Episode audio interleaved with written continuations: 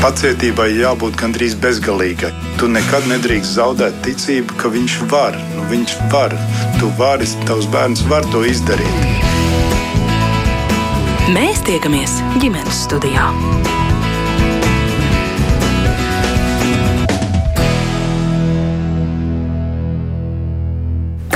Labdien, ģimenes studija sāk savu skanējumu. Jūs sveicina rādījuma producents Armīta Kolāta, mans vārds ir Agnese Linka.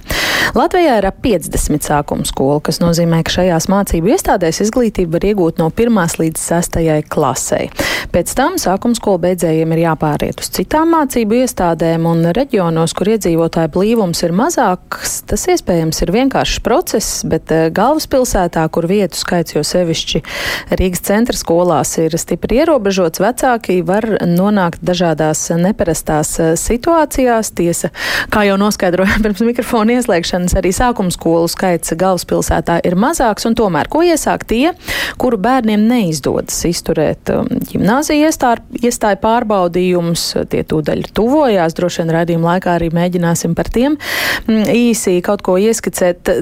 Kā ir vispār veidot šī sistēma, lai pie obligātās pamatizglītības tad tiktu uh, visi, visi, visi par to uh, šī saruna un tās dalībnieces būs Rīgas domas izglītības, kultūras un sporta departamenta izglītības pārvaldes vispārējās izglītības skolu nodaļas vadītāja Anita Pēterkopa. Labdien. Ļoti garš amata nosaukums, bet tāds un tas ir sveicināt. Rīgas valdes zālīšu sākuma skolas direktora Elita Rīter arī kopā ar mums šodien ģimenes studijā. Labdien! Labdien! Un telefoniski mums pievienojas Āgenskalna sākuma skolas direktora direktore Ināra Kaķīte. Sveicināti, Ināra! Labdien! Un kā alaži arī jūs klausītājs esat laipni aicināti pievienoties mums šai sarunā, ja jums rodas kādi jautājumi, pieredzē balstīti vai, vai citos apsvērumos balstīti komentāri vai kādi jautājumi, tad rakstiet mums ģimenes studijai no Latvijas radio mājaslapas. Iesākumā es jau teicu, ka es lūkšu raksturot un es eh, skatos uz Rīgas domas pārstāvu Petrakops kundzi, kas vispār ir sākuma skola un kāpēc eh, mūsu izglītības sistēmā pastāv tāda lieta kā sākuma skola skolas. Labdien, klausītāji! Vispārējais izglītības likums nosaka skolu tipus, un sākuma skola ir definēta skolēniem no 1 līdz 6 klasē. Bet, protams, gan Latvijā, gan Rīgā ir prakse, kur ir arī ir sākuma skola, kur mācās bērni no 1 līdz 4 klasē. Viss ir pakārtots tam, kādas izglītības programmas ir licencētas, akreditētas un tiek īstenotas. Mm -hmm. Vai ir arī kaut kādas priekšrocības, nu, piemēram, kāpēc jābūt šādai skolai, kurā nevis 9, bet 1 eh, līdz 4 vai 1 līdz 6? Nu, pirmām kārtām sāksim ar to, ka viss ir pakārtots pieprasījumam. Ja mums arī ir Rīgā daudz uh, sākuma skolas, kas agrāk bija kā pamatskolas, pēc tam kļuva kā sākuma skolas. Viss ir pakārtots pieprasījumam un pēctecības nodrošināšanai. Un mēs zinām, ka, ka Rīgā šajā brīdī ir trīs sākuma skolas. Viena īsteno tikai speciālās izglītības programmas bērniem ar valodas traucējumiem, un tātad šajā sākuma skolā eh, bērni mācās tikai pamatojoties uz pedagoģiski medicīniskās komisijas atzinumu. Pārējās eh, divās sākuma skolās ir eh, pakārtots mikrorajonu princips. Nākotnē mēs to sauksim par tātad tātad administratīvām teritorijām, un līdz ar to tātad ir mūsu saistošie noteikumi, kas nosaka kārtību, kā bērni var uzsākt mācības sākuma skolās, pamatskolās, Rīgā. Mm -hmm. Tas, ko jūs sākumā teicāt par pieprasījumu, ka, ka visu nosaka pieprasījums un ir pamatskolas, kuras eh, top par sākuma skolām, tas nozīmē, ka kaut kur uh, samazinoties skolēnu skaitam, vienkārši tās deviņas klases vairs nav vajadzīgas, un tad mēs taisam viens līdz seši. Arī tā, bet arī tas, ka mēs tomēr domājām par to, ka jānodrošina šī pēctecība. Mums nav mēģis, ka būtībā beidzot sesto klasi arī bērni no citām izglītības iestādēm tagad dodas projām un dodas tikai un vienīgi uz valsts gimnāzijām. Un mēs vienmēr esam domājuši par nodrošinājumu. Ja mums Rīgā ir divas sākuma skolas, kuras pēc tam bērni tendēs meķēsies uz startu uz uh, valsts gimnājām, tad mēs pretīm nodrošinām pietiekami daudz klašu komplektu skaitu, lai bērni varētu startēt arī uz valsts gimnājām. Protams, mēs saprotam, ka ne visi bērni tiek tālāk valsts gimnājās, un tad mūsu kā pašvaldības rūpe ir rūpēties par to, lai šiem bērniem piedāvātu tās skolas Rīgas administratīvā teritorijā, kur ir brīvas vietas attiec uz septītām klasēm, un pašvaldība ir dažādus soļus spērusi vēsturiski, kad šis pieprasījums ir bijis lielāks, ir bijusi pat uh, vidusskolas, kur mēs papildus atveram septītās klases, lai šo pieprasījumu nodrošinātu. Mhm. Bet, ja skatāmies to kontekstu, kas pašlaik Rīgā, tad jāsaka tā, ka tas klašu komplekts skaits, kas ir šajā brīdī sākuma skolās, divās sākuma skolās Rīgā, un tas kom komplekts skaits, klašu komplekts skaits, kas ir valsts gimnāzijās, ir gandrīz trīsreiz lielāks. Un piedāvājums un pieprasījums iet kopsolī. Jā. Labi. Uh, Elita, vaicāšu jums, kāds ir valda zālīša sākuma skolas tas tapšanas stāsts. Jūs laikam nesat tie, kur bija deviņas klases un tagad ir sešas. Tas nav pieprasījums, kas ir noteicis to, ka jūsu skolā ir sešu klašu izglītības process. Jā, vēsturiski mūsu skola jau nu, tā, no tās atjaunošanas brīža 93. gada 1. septembrī ir sešgadīga. Un toreiz gan bija cits nosaukums, mums bija Rīgas valdes zālīša pamatskola, jo mm, tas pavisam vēsturiskais no iepriekšējā gadsimta vēl mm, nosaukums uh, bija tāpēc, ka tajā laikā pamatskola bija sešgadīga. Un tad, mainoties izglītības likumam, vienā brīdī mēs mainījām nu, arī visas veidlapas un arī skolas nosaukumu un pārtapām par sākuma skolu, jo to noteica mūsu valsts uh, izglītības likums, ka visas skolas Latvijā, kurā mācās bērni no 1 līdz 6 klasē, ir ar nosaukumu sākuma skola. Un tā mēs tapām par sākuma skolu. Uh mhm. -huh. Kā jūs redzat to pamatojumu, kāpēc ir sešas klases? Jūs nesat mēģinājuši izaugt, jo ir tādas sākuma skolas, kas vispirms ir sākuma skolas ar sešām klasēm, un tad pamazām paķer klāt tās pēdējās trīs. No nu, šim jautājumam laikam es skatītos no divām pusēm. Uh, pirmā ir tā, ka mūsu skolas skolēni diezgan daudzi startē uz valsts gimnāzijām un arī tur iestājās. Eh, tas ir pirmais, eh, bet nu, otrais ir arī nu, tad, ja mēs salīdzinām ar nu, teiksim, lielu daļu Eiropas, tad šāds skolu modelis ir pilnīgi ierasta lieta lielākajā daļā Eiropas, ka bērni pēc sestās klases, nu, tur gan pamatā tie ir visi maina skolu.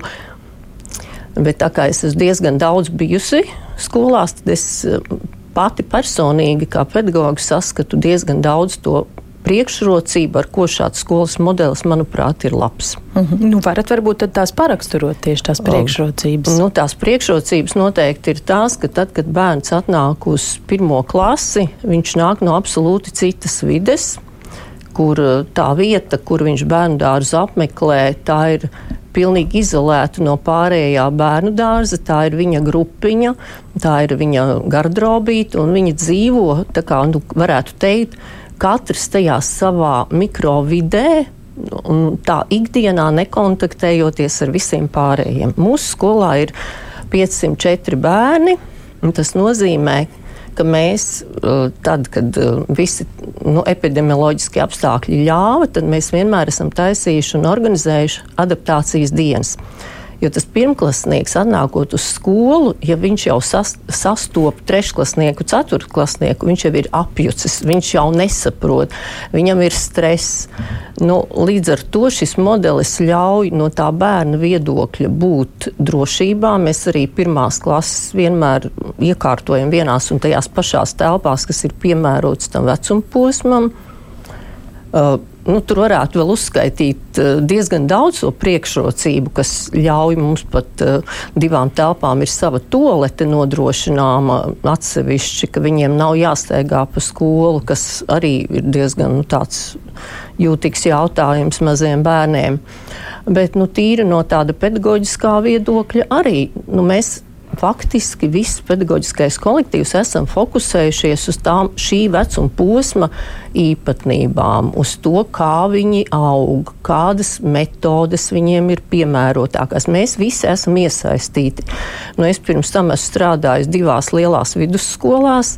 Nu, tad parasti tā sākuma skolas tā dzīve ir pilnīgi atrauti no tā pamatskolas. Līdz ar to mēs šeit varam vairāk izrunāt tās lietas, kas skar konkrēto vecumu posmu, tos metodiskos paņēmienus, arī pasākumus, vairāk vai mazāk. Tas nav tā, ka visa skola ir ierauta kaut kādā virpulī. Nu, tad, ja mēs runājam par dažādiem tādiem kairinājumiem, kuri ir augot bērniem, ka viņi redz negatīvus piemērus. Nu, tad mēs no tā esam zināmā mērā pasargāti. Un, un tas, kas saistīts ar smēķēšanu vai vēl kaut kādām citām vielām, nu, faktiski es teiktu, mēs tiešām esam no tā pasargāti. Tas, ka mums tāpat ir problēmas un viņi ir gana daudz, bet nu, mēs varam vairāk tieši par šo vecumu posmu arī iedziļināties, domāt un, un, un un arī mums bērniem iespējas. Nu, kaut vai mēs tāpat piedalāmies Eiropas projektos nu, diez vai kādā lielā skolā pietklasnieks vai sestklasnieks brauc, brauks apmaiņas braucienā uz citām valstīm. Mūsēji, ja to var. kā, nu, ir, protams, ir arī noteikti negatīvās puses, bet katrā ziņā to priekšrocību, manuprāt, ir gana daudz. Labi. Uzklausīsim arī Āgenskalna sākuma skolas direktoru Ināru Kaķīti. Gribam arī jums dot vārdu, izstāstiet, kāds ir tas jūsu uh, skolas stāsts, kāpēc jūs esat sākuma skola sākuma skolas stāsts ir mazliet savādāk nekā zālīšu skolai. Mēs sākotnēji bijām Rīgas piektā vidusskola un tad Vācu ģimnāzija, ģimnāzija un Vācu ģimnāzija, tagad Vācu ģimnāzija Vācu. Un mēs atdalījāmies 1994. gadā kā atsevišķa sākuma skola atsevišķās telpās un uzsākām savas, uh, savas mācības no pirmās līdz ceturtai klasei jo pēc tam uz piekto klasi viņi devās tālāk mm, uz, uz ģimnāziju. Tagad uh, saskaņā ar normatīvajiem aktiem dažādiem uh, ģimnāzija, ģimnāzijā bērnu uzsāk mācības no septītās klases un līdz ar to mēs esam izveidojušies atsevišķi pirmo sesto klašu skolu, sākums skolu un, un tā, tāda ir tā mūsu vēsture. Ja, ja jārunā, kāpēc tas sākums skolas posms, tad uh, es gribu piekrist arī Rītīnas kundzes teiktajam uh, visnotaļ visās jomās, un mēs uzskatām, ka tas ir tāds organisms, pakāpenisks pārējais posms no pirmskolas izglītības tālāk sākums skolu, no sākums skolas uz pamatskolu. un uh, tam mums skolā ir sakārtota vide, mums ir milzīgs pagalms, kur bērni var rotaļāties, un to arī dara. Mums ir pagarinātās dienas grupa, kur mēs nodrošinām bērnu pieskatīšanu pirmai, otrai klasē līdz sešiem pēcpusdienām. Tā kā tas ir gana ērti gan vecākiem, gan bērniem. Un vēl man gribas teikt, ka es esmu aptaujājusi arī vecākus un, un jautājusi, nu kāpēc jūs nākat pie mums? Mm um, uz pirmā sestā klasi, un pēc tam ir jāmaina skola. Uh, arī viņiem ir tāds viedoklis, ka tas pārējais posms ir nepieciešams, un šeit tomēr mēs pievēršam tādu savādāku uzmanību katram bērnam atsevišķi bērnu centrēta, uh, bērnu centrēts process mums notiek, un, un, un vecāki ir apmierināti ar to, ka mēs patiešām nu, tautas valodā runājam, apčubinam katru bērnu un esam pārliecināti, zinām par katru bērnu visas nianses gan viņa uzvedībā, gan viņa mācībās. Un, un man jāsaka, arī mūsu bērni, tāpat kā mūsu bērnu vecāki, ir ārkārtīgi motivēti mācīties, lai, nu, protams, visiem ir tie lielie nodomi doties tālāk uz, uz ģimnāzijām. Un lielākoties arī šīs te, šī, šī, šie nodomi īstenojas. Hmm. Cik skolēni gadu beidz sesto klasi Āgenskalna sākuma skolā? Sākot no 80 līdz 84 apmēram plus mīnus. Un eh, cik tad iestājas eh, ģimnāzijās, kārotajās? 70% aiziet uz Vācu valsts ģimnāziju, tad um, procentos nepateikšu, bet katru gadu aiziet uz pirmo ģimnāziju, uz otro valsts ģimnāziju Un tagad mēs arī sadarbojamies ar Imants vidusskolu, arī viena daļa skolēnu, kuriem nepaveicas tik ļoti, vai arī viņiem ir citi nākotnes nodomi, viņiem un vecākiem uz Imants vidusskolu. Mm. Uh, Elīt, jums to pašu vaicāšu, cik jūsu absolventu ik gadu caurmērā ir? Nu, absolventi ir arī no 84 līdz 90, kā kuru gadu šogad 84. Uh, nu, no galvas precīzi neatceros, bet nu, uz valsts gimnāzijām apmēram ap 70% kopumā aiziet.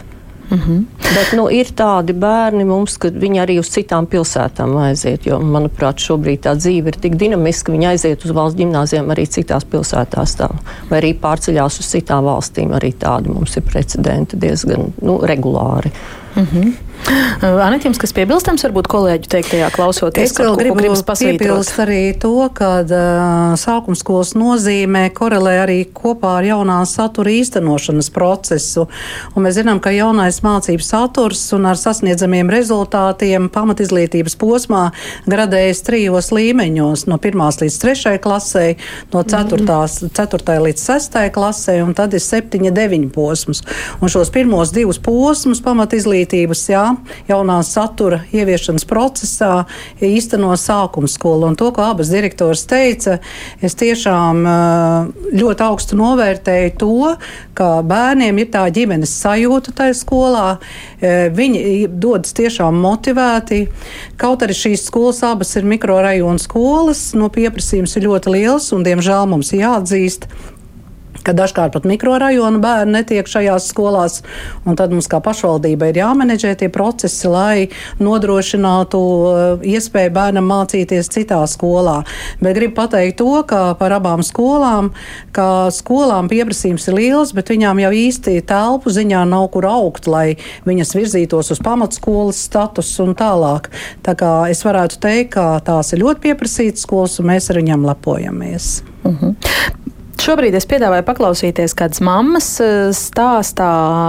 Mammu sauc Agnes, viņai ir divas meitas, kuras abas ir mācījušies. Viena, eh, mācījušās vienā no Rīgas eh, sākuma skolām, ierakstā jau izskanēs, kura tā ir. Un, jā, vecākajai meitai jau sesto klasi absolvējot, ģimene saskārās ar zināmām grūtībām atrast vietu turpmākām mācībām, tad izstāstīs mamma savu pieredzi.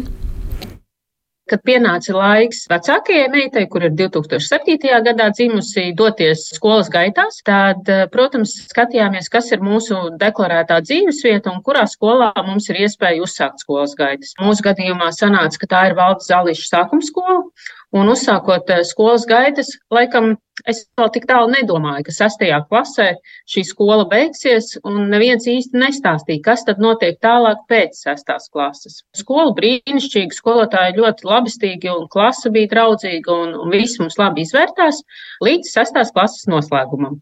Pa vidu patrāpījās pandēmija, kas skāra mūs visus, un līdz ar to pēdējo gadu meita mācījās attālināti, kā jau visi tanī laikā mēs. Un sestās klases beigās tad bija jāliek eksāmens, eh, lai tiktu kādā no gimnāzijām tālāk. Mēs sākām gatavoties ļoti laicīgi, tātad divus gadus iepriekš, piektās klases sākumā mēs paņēmām privātu skolotāju matemātikā, neskatoties uz to, ka matemātika viņiem jau notiek četras reizes nedēļā, un zālīšu skola ir tā kā sākums pirmajai ģimnāzijai, un es arī paļāvos, ka tā matemātika tiek mācīta ļoti augstā, labā līmenī, lai iestāju pārbaudījumu nebūtu nekāds apgrūtinājums mums. Bet tomēr drošs paliek nedrošs, mēs paņēmām privātu skolotāju. Tātad divus gadus, gan 5. klasi, gan 6. klasi, mēs paralēli mācījāmies divreiz nedēļā pie privātu skolotājas. Un papildus mēs ņēmām vēl arī iestāja eksāmena sagatavošanas kursi pirmajā gimnāzijā. Vienreiz nedēļā bērni tur grupiņā dodas un, un apgūst vēl tādu papildus dzelteno grāmatiņu ar dažādiem uzdevumiem, kur viņi gatavojas šim iestāju pārbaudījumam. Līdz ar to man likās, ka mēs gana nopietni gatavojamies un esam tiešām labā formā, lai iestāja eksāmenis nebūtu tāds pārbaudījums liels, bet tie punkti, diemžēl, nebija pietiekoši, lai skolā tiktu. Tad no 30 bērniem, kas bija vecākās meitas klasē, tika 15, tātad puse. Un tas nozīmēja, ka 15, kuri netika, tad meklēja šīs brīvās vietas, nu, kuras tad apkārtējās skolās ir. Neviena skola netaisa papildus septītās klases, lai uzņemtu bērnus, kas sākuma skolu ir pabeiguši. Zinu, ka ir vispār pieredze 49. vidusskolai, kad dažos gados viņi vēl vienu klasi atver septīto. Bet tas nav ikgadējs pasākums, un līdz ar to tu nevari paļauties uz to, ka būs klase, kurā tu varēsi pieteikties un meklēt vietu. Tātad, kā tas notiek dzīvē? Dzīvē vecāki zvanās visās skolās, kas ir nu, vai nu izdevīgi attāluma ziņā, vai arī kurās ir interese turpināt tās gaitas, un meklē, vai kāda vieta ir palikusi, vai ir iespēja vispār pieteikties uz septīto klasi. Ir skolas, kuras saka, jā, rakstiet iesniegumu un stājieties rindā, bet, protams, viņi skatās tālāk, vai vispār ir tās vietas, nu, vai kāds ir aizgājis no viņu skolas uz ģimeni projām vai ir atbrīvojusies kāda tā vieta. Pēc tam skatās, kad tu esi pieteicies, vai tu esi gan laikus pieteicies. Es zinu, ka ir skolas, kas skatās tikai pēc 31. māja un sāk pieteikt 7. klasē, bet savukārt citas skolas sāk pieteikt, kad tu vien vēlies. Tā šobrīd, piemēram, es esmu pieteikusi arī jaunāko meitu jau Rīdzē, lai gan mums vēl ir vēl viens gads, ko mācīties, ar domu, ka, ja nu parādās tur vieta, tad lai gana laicīgi es jau stāvētu rindā un lai būtu nu, vismaz kaut kāda cerība, ka tie pārdzīvojumi būs mazāki. Jo kas notiek? Pirmkārt, bērns pārdzīvo, ka viņš nav gana labs, lai tiktu skolā, kurā viņš varbūt ir vēlējies nokļūt, vai arī kuri visi sabiedrotie, visi 30 bērni, kas ir klasē, tad eh, nokļūst tālāk. Nu, tā pašapziņa jau tiek tomēr um, ietekmēta. Tev ir jāmeklē kāds cits variants, bet tā varianti īsti nav. Tad tā mana pieredze ir tāda, ka es apzvanīju skolas, kuras man bija izstaigājumā attālumā, lai varētu bērns pats iet uz skolu, bet, diemžēl, man tā vieta neatradās. Tālāk es vērsos Rīgas domē, tur ir atsevišķi departaments, kur var zvanīt un apjautāties, kādas ir opcijas, un tad darbinieks pretī cenšas palīdzēt atrast kādu vietu, kur varētu būt. Manā gadījumā man piedāvāja skolu, kura man ļoti, ļoti neapmierināja, jo es biju dzirdējusi ļoti sliktas atsauksmes par to skolu.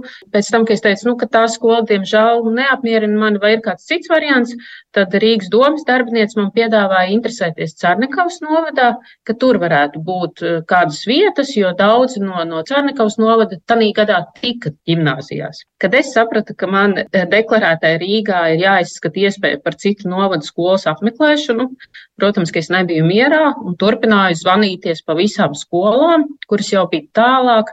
Un tad dienas beigās iznāca tā, ka atradām vietu Rīgas kultūras vidusskolā, bet mums tas prasīja katru rītu braukt ar diviem transportiem, lai nokļūtu skolā.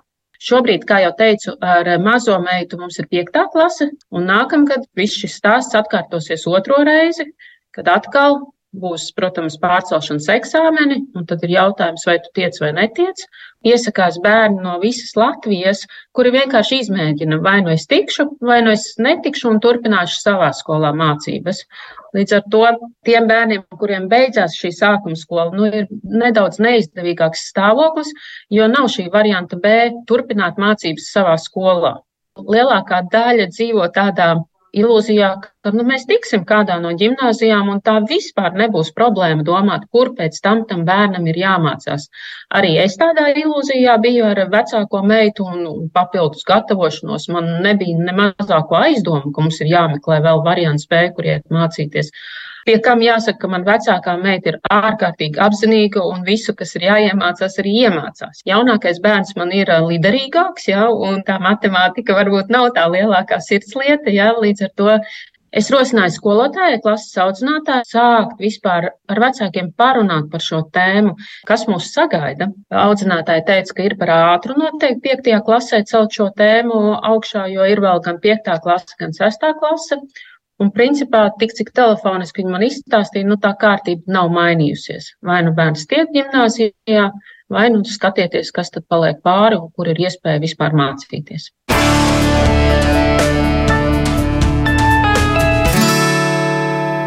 Tāds lūk, mammas eh, stāsts. Paldies viņai par dalīšanos eh, pieredzē. Protams, jautājums eh, jums kādu komentāru par dzirdēto. Ak, jā, es tikai atgādināšu, ka šodien pie mums studijā viesojas Rīgas domas pārstāve Anita Pēterkopa, Valds Zālīša, sākums skolas direktora Elita Rīter un Agans Kalns sākums skolas direktora Ināra Kaķīta telefona. Skanita, kādi komentāri par dzirdēto? Paldies māmiņai par atklāto stāstu un šo pieredzi.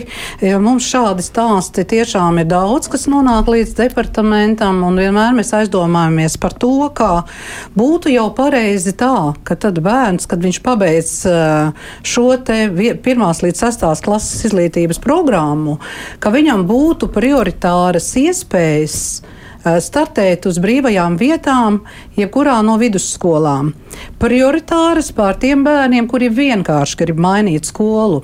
Jo mēs sastopamies ar situācijām kādām, jo kustība šajā laikā notiek tieši pēc sestās klases ļoti dažāda.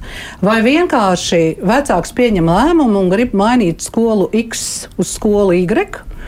Un vai otrs variants ir tas, kad ir piemēram sākuma skola, sākuma skola ir pabeigta un bērnam nav alternatīvas, viņam nav citas izglītības programmas piedāvājuma.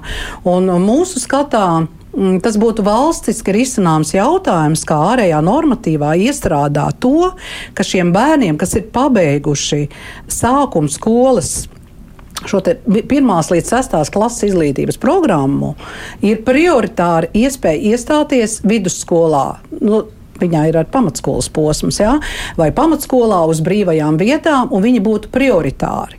Nevis tā, ka ir piemēram šajā brīdī pēc regulējuma, nu, Viss ir jāskata direktoram iesnieguma secībā. Mm -hmm. Tas, kurš pirmais uzraksta, tas ir jāizskata. Ir brīva vieta, ir jāņem šis bērns. Varbūt tas, kas ir pirmais rindā, šajā brīdī ir vienkārši bērns, kurš grib, kura vecāks grib mainīt skolu piemēram, no, no vienas pamatskolas uz citu, vai no vienas vidusskolas uz citu vidusskolu. Mhm. Bet ir rosināts tādas tās izmaiņas tajā regulējumā? E, par to esam diskutējuši. Esam diskutējuši arī ar pašlaik ar izglītības diskusija? kvalitātes valsts dienestu, bet izglītības kvalitātes valsts dienests ir pateicis, ka vecākiem ir jāsaprot, ja viņi piesakās sākuma skolā, ka pēc sestās klases ar šo problēmu eh, nāksies tomēr saskārties. Eh, to, ka vajadzētu šādas lietas grozīt, mēs tiešām jau ilgstoši esam par to domājuši. Eh, tas nozīmē to, ka jābūt iniciatīvai, protams, ne tikai no Rīgas puses, arī no citām pašvaldībām, ja mēs gribam kādu likuma grozījumu piedāvāt. Bet es vēlos teikt, ka tas, kas ir tās mammas stāsts, par to Cernikavu gan man apbeidināja, tas kaut kāds ir izveidojies varbūt pārpratums, jo mēs jebkuram bērnam pēc sestās klases, ja viņš ir deklarēts Rīgas administratīvā teritorijā, piedāvājam alternatīvu, kur viņam mācīties tālāk. Un to, ko minēja arī Agents Kalnu sākumā, sākuma skolas direktore Ināra Kaķīte. Arī ša, šī sadarbība ar Rīgas imantas vidusskolu ir arī vācu valodas zīmes kontekstā, jo ļoti daudziem vecākiem ir svarīgi, kā Viņa, viņa bērns sākuma skolā ir mācījies vācu valodu kā pirmo svešu valodu, lai šī pēctecība tiktu nodrošināta. Un tā arī mums ir šī korelācija pēctecības nodrošināšanai, kāpēc Āgenskalna sākuma skolas bērni startē vai nu uz Rīgas valsts vācu ģimnāziju vai Ja grib vācu valodu kā pirmo svešu valodu turpināt, tad eh, Rīgas imantas vidusskola. Mm -hmm. nu, jā. Vēsturiski tur tās saites un tā radniecība tāda ir izveidojusies. Es tikai vēl gribu jums, Anit, pajautāt, nu, cik tad šādi vai līdzīgi stāstī pienāk pavasara pusē Rīgas domas izglītības pārvaldē? Nu, Pirmkārt, es teikšu tā, ka šo stāstu nav daudz vecāki atrod skolas, bet ir bijuši tādi, ka tie stāsti ir bijuši daudz. Mēs ar Elitu abas atceramies, mums bija šī sadarbība, kad tiešām to, ko māte minēja, kad bija pieprasījums, un mēs varējām tajā gadā atvērt Rīgas 49. vidusskolā vēl vienu papildus 7. klasi. Bet mēs zinām, ka gan Rīgas 49. vidusskolas kapacitāte, gan, gan citu vidusskolu kapacitāte ir tāda, kā ir, un telpa ietilpība arī. Un viena lieta ir vēl vēlme atvērt, bet otra lieta ir jānodrošina telpas, cilvēku resursi, un nevienmēr tas ir iespējams. Ne, vajag jau arī kādu, kas māca. jā, tieši tā, un tāpēc vienmēr mēs šos gadījumus izskatām un piedāvājam. Mums ir zināms par brīvajām vietām uh, vidusskolās, pamatskolās Rīgā, un tā kā vecāki var griezties un zvanīt mums, un mēs piedāvāsim iespējamās alternatīvas, ja nu bērns neizvēlās mācīties Rīgas valsts gimnāzijā tālāk, vai arī, nu, varbūt arī tas stāsts, ko māmiņa teica, ka neizdevās iestāties. Jo te var būt arī dažādi iemesli. Bērns var būt ļoti labi sagatavojies, bet stresa līmenis ir bijis tik augsts. Satraukums tajā Satraukums, dienā, jā, protams, ka viņš jā. vienkārši nobloķē sevi un nevar tās zināšanas parādīt. Nu, un vēl jau tā nianses par tiem bērniem no visas Latvijas, kas uz tām Rīgas gimnāzijām. Uh, kāro. Um, Elita, jūs arī pakomentēsiet? Nu, jā, pieredzi. tas, ko tikko Anita minēja, stresa noturība, to es runāju gan ar jauniešiem, un saku arī vecākiem. Un, nu, Covid periodam tur ir savs. Savs nospiedums, jo bērni, būdami mājās, bieži vien viņi psiholoģiski nebija gatavi pat klasē nākt un priekšā un runāt, kur nu vēl aiziet, tur, kur konkurence ir desmit bērni uz, uz vietu. Uh, par to es varētu tā kā teikt, ka tie rādītāji, tie gadi arī ir tādi ļoti nu, zīmīgi un bieži vien varbūt arī traģiski bērniem. Un viņu vecākiem to, ko es varētu vēl no pieredzes, ko stāsta vecāki, jo personīgas pieredzes man šajā jautājumā nav tad, kad uh, vecākiem mēs stāstam un sakām arī par šiem iesniegumiem, uh, nu, tad, to, to, kāda ir kārtība, katras skolas mājaslapā vecāki var iepazīties, stā, startējot uz vidusskolām vai uz gimnāzijām. Bieži vien tad, kad ir rezultāti gimnāzijās un bērns nav ticis, tam vecākam, protams, loģiski ir stress un satraukums, jo tā bija vēlme, uz kuru apzināti gāja. Bet talantīgu bērnu Latvijā ir daudz. Uh, nu, tad ir nākamais solis iet uz tām tuvākajām vidusskolām, bet tur tā atbilde bieži vien ir, ka šobrīd vietu nav. Un to es tiešām zinu no mūsu, jo to vietu tajā brīdī arī nav. Kamēr valsts gimnāzijas nav noslēgušas savus sarakstus un nav izdevušas rīkojumu, kuri tad ir tiešām eh, viņš var izturēt konkursu, tas bērns. Bet vecāki var pārdomāt, arī es tādus personīgi pazīstu, ka no Jālgavas viņi stājas, tad viņi saprot, ka to nebūs izdarīt mm, nu, reāli izbraukāt. Un viņi no šīs vietas atsakās. Tad notiek kustība arī starp šīm valsts gimnāzijām. Līdz ar to no tām vidusskolām, kur bērni ir vai nav tikuši, bieži vien iznāk, ka ir jāgaida. Bet tajā emocionālajā uztraukumā, tīpaši, ja tas ir pirmais bērns, nu, ja vecākam saka gaidīt, tad viņš saprot, ka nu, šobrīd manu bērnu neņem. Uh, nu, tad varu vienīgais izstāstīt konkrētu gadījumu no vienas vecāku sapulces pagājušā gada 6. klasē. Uh, mamma, kurai tātad 22. gadā beidza dēls, bet iepriekšējā gadā meita 21. gadā beidza meita. Un viņa tā kā vienreiz. Sesto klasi pie jums, jā? Sesto klasi, jā, Rīgas valsts zālīšu sākuma skolā. Un tad, kad um, sapulcs bija arī attālināti, un es biju pieslēgusies, un man uzdod jautājumus, kā tad būs, un ja tagad mēs netiksim valsts gimnāzijās, kā būs ar vidusskolām. Un, nu, es arī skaidroju, līdzīgi kā ša, šeit mēs runājam, jāraksta iesniegums, bet tad viena māma saka, es jums, um, cienījamie vecāki, izstāstīšu savu pieredzi. Jā, man, mana meita netika tur, kur mēs cerējām. Bet mēs uzrakstījām vēl uz piecām vidusskolām iesniegumus. Arī mums sākumā teica, gaidiet, bet pēc tam visas piecas uh, atrakstīja e-pasta vēstuli, ka viņas ir gatavas uzņemt. Nu, šī māma vienkārši padalījās pieredzē ar to savu stāstu un teica, ka tur ir vienkārši jāgaida, un tā atbilde nav tūlīt un tagad. Un viņa varbūt nav pat divu vai trīs dienu laikā. Tā atbilde būs nedēļas vai pusotra laikā. Bet... Nu, Tad cik tad nu, tur ir jāgaida? Tur tas mājas, jūnijas, jūlijas nu, vai augusts jāgaida? Kā, kā uh, tur ir tie mēneši, neatceraties? Nē, nē, mēneši tie nav. Tur ir stāsts par dienām un nedēļām. Nu, tā kā es personīgi ar to neesmu kontekstā, tad es laikam jums mm. Bet vai jūs nepateikšu. zinat, ko pārsvarā dara tie pārējie jūsējie, kas neiestājas tajās ģimnāzijās? Nu, viņi iestājas Rīgas vidusskolās. Kurās? Apmēram nu, centrā reāls vai, vai, vai, vai nu, brauc dažā. uz rajoniem, mikrorajoniem? Nē, 49. ir viena no tām skolām. Vienmēr kādi bērni aiziet uz Rīgas centra humanitāro vidusskolu, eh, tad nu, gadu no gada divi, trīs bērni aiziet uz centra daļamatniecības pamatskolu, kam ir mākslu. Nu, mums blakus ir rīdzi, ja tur ir vietas arī uz rīdzi, katru gadu aiziet kādi mūsu bērni. Uh, Nu, arī uz kultūra vidusskolu aiziet, uz Hanzas vidusskolu aiziet. Nu, tie, kas dzīvo um, tajā pusē Dauga vai kādreiz arī aiziet uz pārdaugos skolām. Tā kā mm. tas, nu, mums ir, mēs apkopējam arī datus, nu, tā geogrāfija ir diezgan plaša. Mhm. Ināra Kaķītā, Agenskalna sākuma skolas direktora, ir ilgāku laiku tagad pacietīgi klausīsies kolēģies. Varbūt jūs varētu vēl ko piebilst vai akcentēt no šeit izskanējušā, vai arī vēl pastāstīt, ko dara tie jūsējie, kas neiestājas ģimnāzijās. Ir tā, ka mūsuprāt mēs vienmēr esam uzsvēruši, ka ļoti liela loma ir komunikācijai ar vecākiem.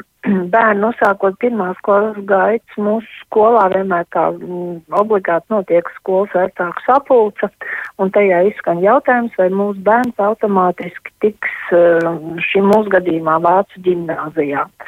Un šajā sapulcēs vienmēr tiek paskaidrots, kādas ir iespējas, ka tā nav tikai Vācu ģimnāzija, bet visiem iestājoties ģimnāzijā ir jākārto iestāju pārbaudījumi Un sākot kaut kur jau no 4. klases beigām, 5. klasē, mēs informējam vecākus vēl par pārējām iespējām, kādas ir iespējas turpināt 7. klasē izglītību, ne tikai gimnāzijās.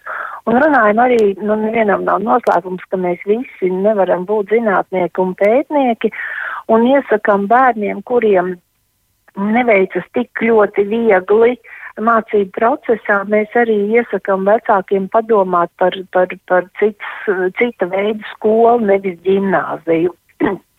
Un e, mūsu bērni iet arī, mēdz aiziet arī uz Angļu ģimnāziju un uz Imāns vidusskolu un 41. vidusskolu pa vienam, pa diviem, e, arī kultūras vidusskolā, tā kā tas stāsts ir ļoti līdzīgs arī kolēģis teiktajam. Elit, jūsu pirmklasnieku vecākiem arī sakāt, pēc sestās klases, piedodiet, pirmā gimnāzija nav apsolīta.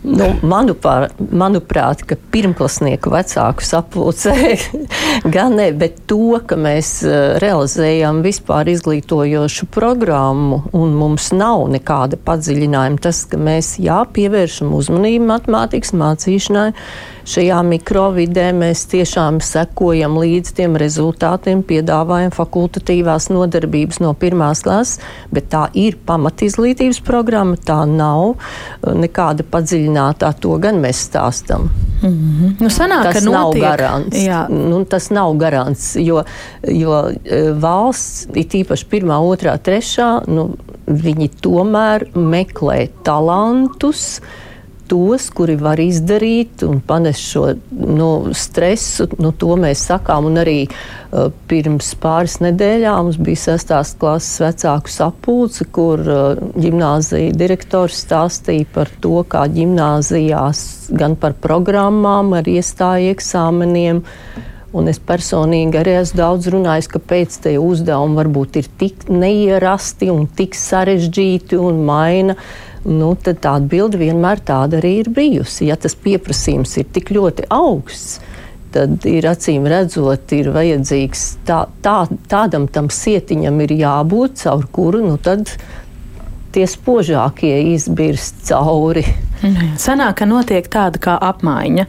Parastās pamatskolas vai, vai, vai parastās vidusskolas, uz kurām nav tas lielais pieprasījums, dabūt tos bērnus, kuri nāk no sākuma skolām un kaut kādu iemeslu dēļ ģimnāzijām paliek pāri, un atkal no tām tie spožākie prāti aiziet uz ģimnāzijām, tad tur brīvas vietas, un tur var ienākt atkal citi. Tā? var raksturot šo procesu? Nu, es varētu drusciņi oponēt jūsu teikto, jo es gribētu teikt tā, ka Kaut vai pa piemēram, mums ir Rīgā ļoti daudz pieprasītas pamatskolas. Es varētu ļoti daudz uzskaitīt, un arī no šīm pieprasītām pamatskolām bērniem ir ambīcija, un viņu vecākiem, protams, ka bērni startē uz valsts gimnāzijām. Un varētu teikt, kaut vai lielākās uh, pamatskolas Rīgā, kā Rīgas pļaunieku pamatskola vai Mešiem pamatskola vai Andreja Pumpura Rīgas 11. pamatskola, pieprasītas pamatskolas, bet bērniem ir ambīcija un vecākiem arī, lai bērns eh, pēc sestās klases mācītos valsts gimnāzijā. Un, un ļoti daudzās arī labās pamatskolās pieprasītās pamatskolās paliek brīvas vietas, un tādēļ vecākiem tiešām, ja viņi saskarās ar šo pro problēmu, kā kur tagad bērnam mācīties tālāk, es vēlreiz atkārtoju, lūdzu, zvaniet mums! Mēs palīdzēsim, lai piedāvātu alternatīvu. Un to, ko minēja arī Elita, ne jau viņa minēja arī par to, ka daudzi bērni pēc 6. klases aiziet uz pārdaugu. Tas liecina tikai par to, ka ne jau visi bērni, kas mācās sākuma skolās, dzīvo sākuma skolas tuvumā. Un viņiem var mainīties arī dzīves vieta, un viņi var mm. pilnīgi dzīvot citā vietā. Tagad ir diezgan populāri ģimenes dodas uz pierīgu vai dzīvo pierīgā un izvēlās tieši, ka bērns mācās uh, Rīgas skolās. Un tādēļ vienmēr šī saruna ar vecākiem mums ir vērsta uz to, kur tad reāli bērns dzīvo, kāda ir faktiskā dzīves vieta un ko tuvāk faktiskai dzīves vietai mēs varam piedāvāt kā labu alternatīvu. Mm -hmm. Es atgādināšu, ka arī klausītāji, kā vienmēr, ir aicināti iesaistīties eh, ģimenes studijas sarunās. Eh, tā, piemēram, kāds eh, tētis mums raksta, kā gan tāda sākuma skola var būt maziem bērniem draudzīgāka vide, ja jau no mazām dienām ir tas spiediens tev jātiek ģimnāzijā. Un vai no šādām skolām ir lielāka iespēja tikt ģimnāzijā, tā vaicā kāds tētis. Kā jūs atbildētu, Elitētim? Es domāju, ka spiediena nav nekāda. Jo arī tagad mēs varētu aiziet uz visām trim sestajām klasēm, un daļa bērnu tā arī pateiks. Viņi ne, nestartēs nevienā no šiem konkursiem, jo viņi ir sapratuši šo sešu gadu laikā, ka viņiem ir citi talanti. Kā es iepriekš minēju par šo mākslas skolu, uh, ar mūziku saistītām skolām kādreiz bērni aiziet ar valodām, viņi nesaredz sevi, sevi matemātikā. Nu, ir tādi, protams, kuriem vai nu ir tā ģimenes uh, vajadzība, vai tā ir bērna vajadzība, un viņi startē uz gimnāzijām, bet nu, garants tāds nekad nevar būt. Uh -huh. uh, Ināra, kā jūs atbildētu šim tētim? Es teiktu tā, ka, ja vecāki tiek informēti par to, kādi noteikumi, eh, kā, eh, kas sagaida viņu bērns nākotnē, tas jau nav spiediens tieši otrādi, manuprāt. Un, un, un kā jau arī kolēģi teica, mums ir ļoti daudz mūzikas skolas audzēkņu, kuri arī eh, stājas pēc tam mūzikas skolās un, un turpina savu muzikālo izglītību, tas pats mākslas skolās. Uh, um, nekāds spiediens te nenotiek pie mums, jā, nevienā, ne otrā skolā. Mm. Vienīgi tad uh, vecākiem vajadzīga tiešām tā elastīgā pieeja, ka tad, kad pienāks laiks, uh, izskatīsim iespējas, iespējams pacietīgi gaidīsim. Kur mūs uzņems? Nu, tāda zināma tā kā, tāda, tāda pacietība vajadzīga. Nu, teorētiski, atvērts prāts. Nē, atvērts prāts un teorētiski tas ir labi, bet tad, kad tas katru personīgi, katru ģimeni skar personīgi. Nu, diemžēl, kā es minēju, jau ja tas ir pirmais bērns. Un vecākiem vienmēr tas būs mīļākais un gudrākais. Un tad uh, nu, tajā brīdī ir, ir grūti palīdzēt, un arī tas konkurss jau ir neparedzējams. Man parasti vecāki uzdod to jautājumu, ar cik punktiem tiek. Pirmkārt, kā es saku, es nestrādāju gimnājā, es nezinu, cik būs vispār maksimālie punkti, un savukārt nu, tā līnija, kura tika novilkta pie pēdējā pretendenta, ir atkarīga no tā kopējā līmeņa. Cik, ja visi būs ļoti, ļoti spoži, tad varbūt tiks tikai ar maksimālo punktu skaitu. Tā kā, nu, nu, katrā ziņā, manuprāt, to pateikt, ka es tagad pieņemšu gan, gan uzvaru, gan zaudējumu, tas mums katram cilvēcīgi ir ļoti jūtīgs jautājums. Un vēl jau vairāk, ja tas personīgo bērnu skar, jo te jau nav, te nav stāsts par to, ka es iemācījos to, kas bija programmā.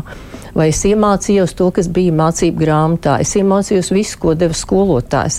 Mēs esam apkopojuši datus, ka bieži vien ir bērni, kuriem matemātikā ir 8 un 9 bijis liecībā, un viņi netiek. Bet atkal ar citiem, as, cits ar astotniekiem tiek. Tāpēc, ka to pašu uzdevumu var tik dažādi noformulēt, tik dažādā veidā piedāvāt. Un to arī uh, piedāvā, ja to pašu pieminēto dzelteno grāmatiņu pastudē, tas piedāvājums, kā pajautāt, ir tik atšķirīgs. Un, Un bērns ir bērns, un viņam ir tik gadu, cik ir, un viņš var samulst pie netradicionālas situācijas. Arī pieaugušais var samulst. Mm -hmm. Nu jā. Anita, vēl varbūt tad jums vaicāšu, jūs vienā brīdī arī pieminējāt, cik ļoti veiksmīgi ir tā jaunā satura sinerģija ar sākuma skolas modeli kā tādu. Mm, kāpēc tieši matemātika ir tas viens priekšmets, kas tiek pārbaudīts un vērtēts kā kritērijs ģimnāziju iestāja eksāmenos, vai tas jaunā satura akcents arī ir matemātika? Tad? -hmm. Jā, paldies par jautājumu. Es gribētu teikt, ka iestāja pārbaudījums korelē ar tām izglītības programmām, kuras īsteno valsts gimnāzijas. Jo viens ir šis pamata ielikšanas posms sākuma skolā, bet nākamais posms ir valsts gimnāzijas, kurām ir savas ambīcijas, un ļoti daudzās valsts gimnāzijās ir licencēts arī 7. līdz 9. klases pamata izglītības programmas ar augstāk sasniedzamiem rezultātiem. Un, lai varētu veikt šo atlasi paši direktori ir nonākuši pie atziņas, ka matemātika ir ļoti labs pamats, eh, lai šo atlasi varētu veikt pēc sestās klases. Protams, ka Rīgas valsts vācu ģimnāzija vēl kā atlases kritēriju izvēlās iestāju pārbaudījumu arī svešvalodā. Jo tā ir tāda īpaši viņiem arī licencēta programma ar augstāk sasniedzamiem rezultātiem tieši svešvalodās. Un tāpēc viņi veic arī svešvalodā atlasi. Mm, tad būtībā tā ir tāda gimnāziju direktoru. Formulēta. Nu, katrā ziņā, nu, tā kā mēs arī abas ar Anītu esam matemātiķis, es varētu teikt tā ka, manuprāt, matemātika ir tāds labs instruments, ar kuru var mērīt cilvēku spēju noturēt uzmanību, fokusēties uz uh, lietām, pamanīt to nu, tur pamanīt šo tekstpratību, par kuru šobrīd daudz runā. Tā teikuma konstrukcija bieži vien pasaka, es kādreiz jautāju tekstu uzdevumā, vai tas notikums, kas ir aprakstīts tekstu uzdevumā, notiek vienā laika sprīdī ka bērns pievērš, ka tur ir teikumi tagadnes formā un, un kaut kāda teikuma daļa ir nākotnē. Tad, tur ir dažādi. Nu, tas, manuprāt, ir kā tāds mēra instruments, jo bērns, kurš nav gatavs strādāt, un tomēr gimnāzijā tas prasību līmenis ir uh, prasa darbu. Un, un ja tu nevari strādāt, koncentrēties. Nu, noteikti ar valodu mērīt kaut ko tādu būtu daudz sarežģītāk nekā to izdarīt, jo tā tekstpratība tur ir tik ļoti iekšā, jo pamatā tie ir tomēr teksta uzdevumi. Tā skaitļošana tikai A daļā, jeb testa daļā. Mm. Tā kā es, es to uztveru šādi, ka tā ir tāda vispārējās gatavības mērīšana, ko izdara šis eksāmens. Bet, laba, nu, kā laba, vienmēr, laba metode. Nu, Jūs kā matemātiķi sakāt, jā. Ināra, par šo, ko bildīsiet, arī varbūt vēl noslēgumā. Es gan neesmu matemātiķis, es esmu pretējs, esmu valodnieks, bet visiem ir viennozīmīgi skaidrs, ja, ja, ja ir loģiskā domāšana matemātikā, tad valodu ir iemācīties arī vienkāršāk. Iet runa par svešu valodām. Jā. Vēl varbūt eh, pavisam eh, īsi krustugunīs tas jautājums par, par ģimnāziju iestāju eksāmeniem pēdējos eh, mēnešos un nedēļās ir nonācis, un arī Normons mums raksta, vai tiešām valsts gudrie nesaprot, ka pirmajā ģimnāzijā mācību procesam paredzētais finansējums vienam ir līdzvērtīgs citām vidusskolām. Jautājums, kādēļ netiek nodrošināts ļoti tūvs mācību, ne obligāti zināšana, bet mācību līmenis arī citās skolās, citādi uz visu valsti trīs elites citas skolas. Uh, Šo droši vien, nesāksim atlikušajās uh, minūtēs, bet uh, es tikai gribēju ieskicēt, ka tādu klausītāju jautājumu tiek aktualizēta un droši vien par to vēl karstas diskusijas turpināsim. Anita, par to pārgrupēšanos, ko es iepriekš minēju. Iestāja eksāmenis uz Rīgas gimnāzijām tuvojas. Varbūt jūs varat īsi arī vēl paraksturot. Es zinu, ka vecāks tas ļoti interesē. Šobrīd jau ir zināms, kad, kur, kā tas notiks. Mhm. Nu, mēs jau gatavojamies diviem iestāju pārbaudījumiem. Viens tātad, lai stātos uz septītām klasēm, un otrs, lai stātos, stātos uz desmitām klasēm. Nu, par tām septītām izstāstiet mums, mēs tā par sākumu skolu šodien. Nu, jāsaka tā, nu, pašlaik ir eh, reģistrēšanās šim iestāju pārbaudījumam, tā aktīvi notiek. Pieprasījums ir liels, vairāk kā tūkstots jau pieteikumu uz šo brīdi. Un līdz kuram brīdim var pieteikties? Nu, būtībā visa šī nedēļa vēl ir aktīvi var pieteikties, un mums departamenta mājaslapā lapā ir pieejama visa informācija.